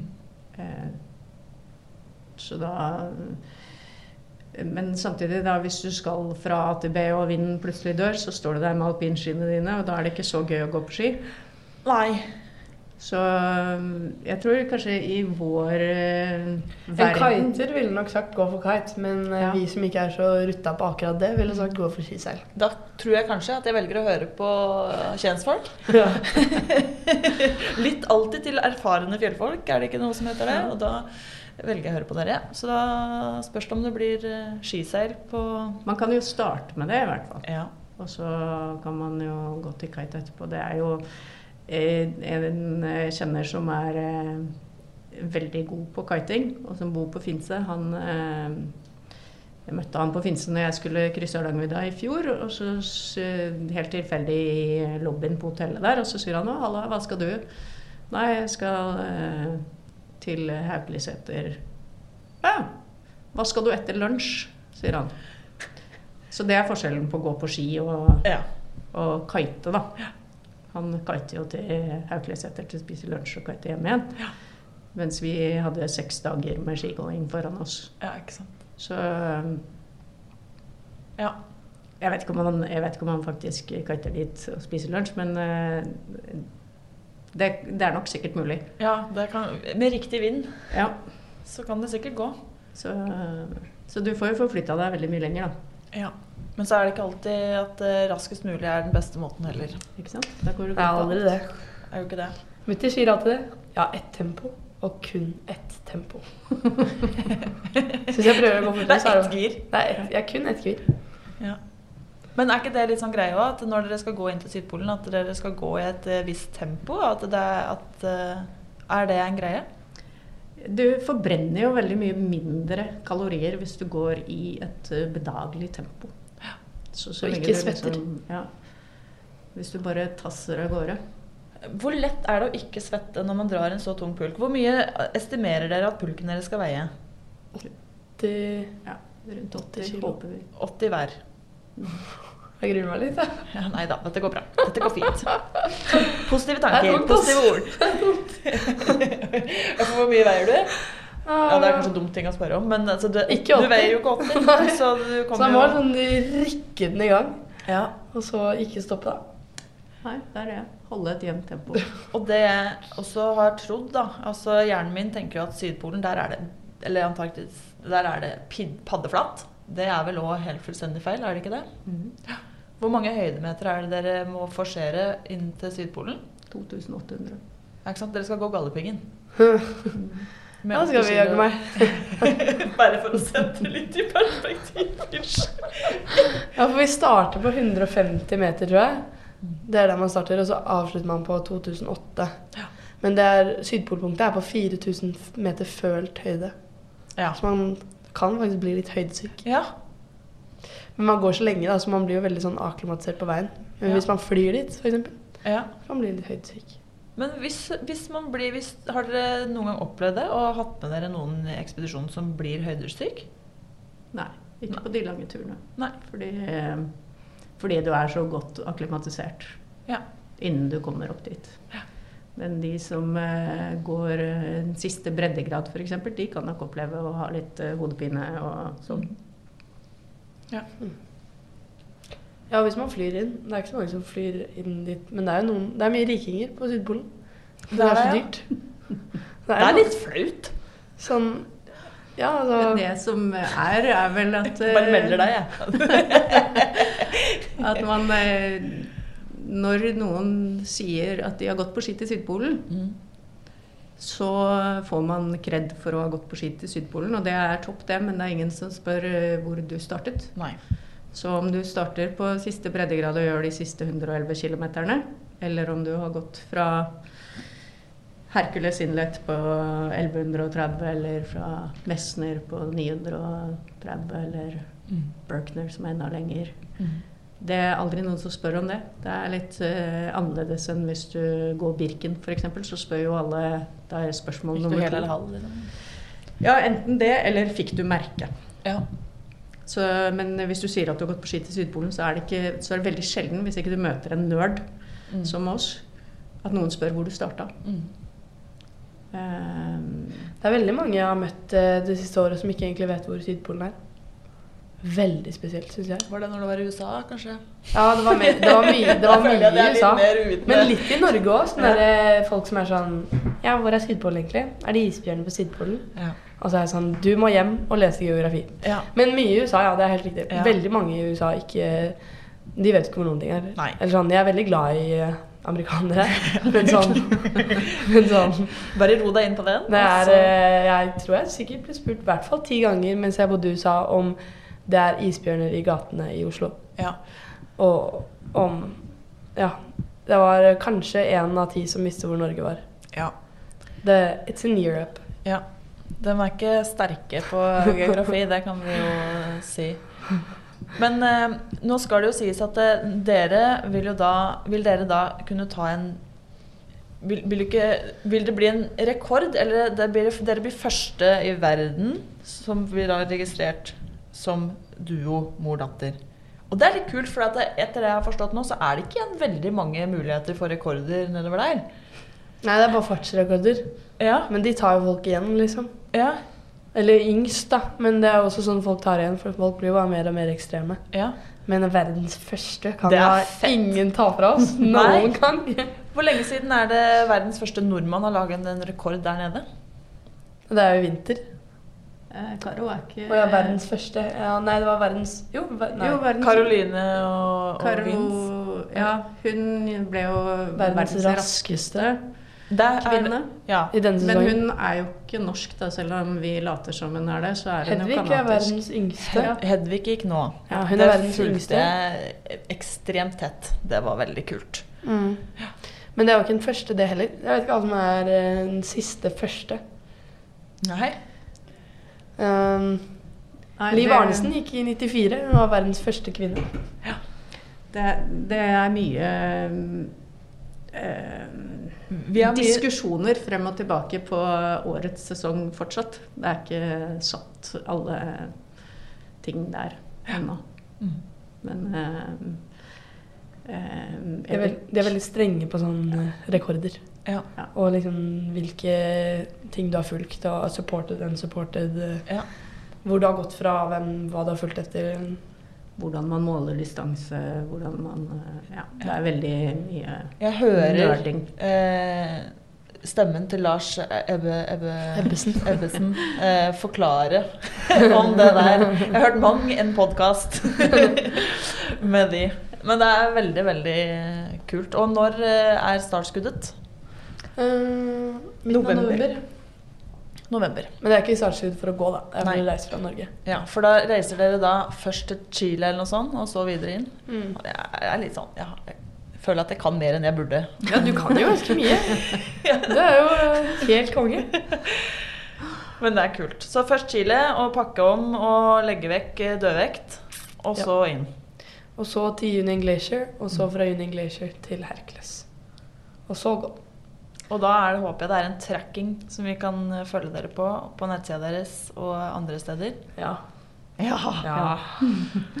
Det er planen. Det, det, det vanskeligste med hele ekspedisjonen, det er å komme seg til uh, Iskanten. iskanten. Mm. For det er så dyrt. ja. Det er uh, Ja. Jeg gjorde et sånt uh, sosiologisk forskningsprosjekt på skolen. Mm. Og jeg, så rart som det er, forsket på forskjellen mellom menn og kvinner når det kommer til gjennomføringen av polarekspedisjoner. Så det er bare sånn supernerd, ikke sant. Men jeg syns det var kjempegøy. La meg bare minne alle på at Emma er 19 og russ Ja. i år. Men da snak- intervjuet jeg masse forskjellige polfarere. Kvinnelige polfarere. Og, og samtlige sa jo at de har egenfinansiert store deler av sine første prosjekter. Mm. Men igjen, jeg er 19 år. Jeg kan ikke ta lån i banken. Nei. Vær så snill.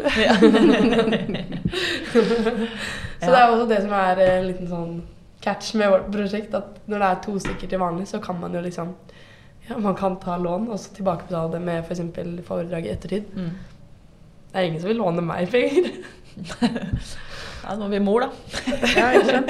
Det, jeg tror eh, det er grenser for hvor mye. For Ja. da må jeg låne dobbelt. Hvor mye Er det lov å spørre hvor mye dette her koster? Vi har et budsjett på to millioner. Å, oh, faen. Da datt jeg nesten av stolen. Ja. Og 1,2 Fire er til ALE.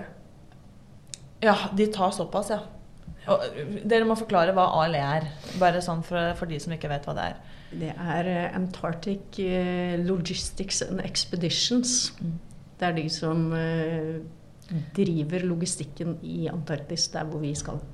Så inkludert i de pengene er jo alt av liksom rescue, forsikring, flyvninger, middag på polpunktet, eh, transport eh, Transport til og fra Flydropp hvis vi mangler noe. Mm. Men da blir jo ekspedisjonen ikke unsupported lenger. den.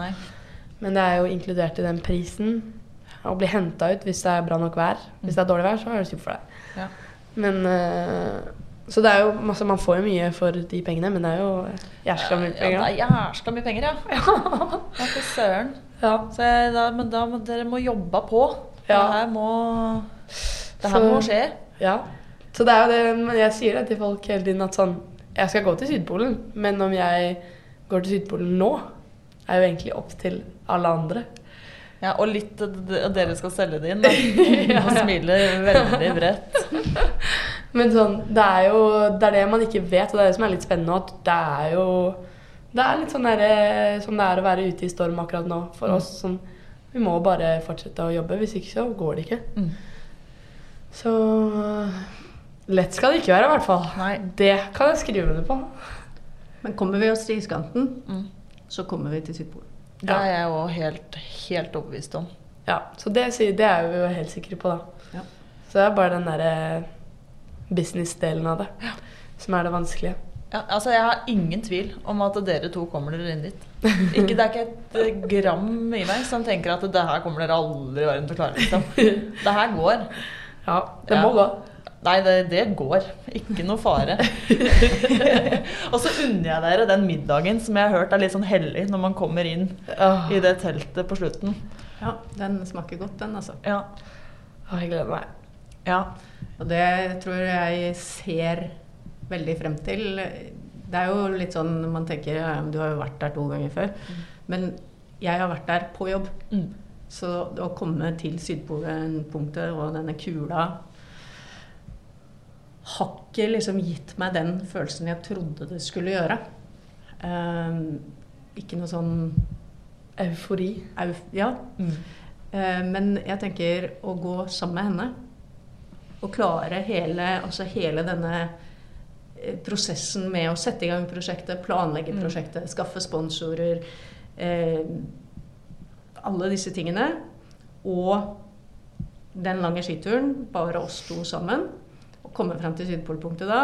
Da tenker jeg nok kanskje at det blir litt eh, Da blir det mye grining. Da Ah, blir det fy grining. faen, jeg griner jo nesten bare her jeg sitter av å tenke på det. Det er jo helt vilt. Det, er, eh, det var det samme med Amundsen. Når jeg gikk Amundsen aleine, så var det Ja. Selv om det var jo ikke jobb, det var jo Ja. for å se hvor fort det gikk an å gå. Ehm, så var det liksom OK, nå er jeg i mål. God innsats. Ja. Eh, på en måte, Men å komme i mål første gangen og andre gangen sammen med henne, helt annen følelse av eh, mestring og stolthet og Ja. å ha gjort noe stort, da. ja. Eh, Så den følelsen er jeg, jeg Håper jeg ikke blir skuffa fader, da. neste gang. Det noe gærent med deg. Vet du, jeg, eh, jeg unner dere så innmari den følelsen når dere kommer dit. Og jeg er helt bombesikker på at dere også kommer dit. Eh, Forhåpentligvis nå i november. Ja. Hvis ikke så Eh, gjør vi det neste år. Eller Eller året etter. Gud veit, kanskje dere gjør det flere ganger. Og jeg unner så innmari å la ungene mine lese om dere i rekordbøker. Det hadde vært kult. Da skal de få en underskrevet Guinness. Ja, det Om de skal. Ikke tenk på det. Tusen hjertelig, hjertelig takk for at dere tok turen hit. Det var veldig hyggelig å prate med dere. Tusen takk for at vi fikk komme. Mm, Jinx. Skyld meg en cola. OK, vi snakkes. Det gjør vi. Kjør!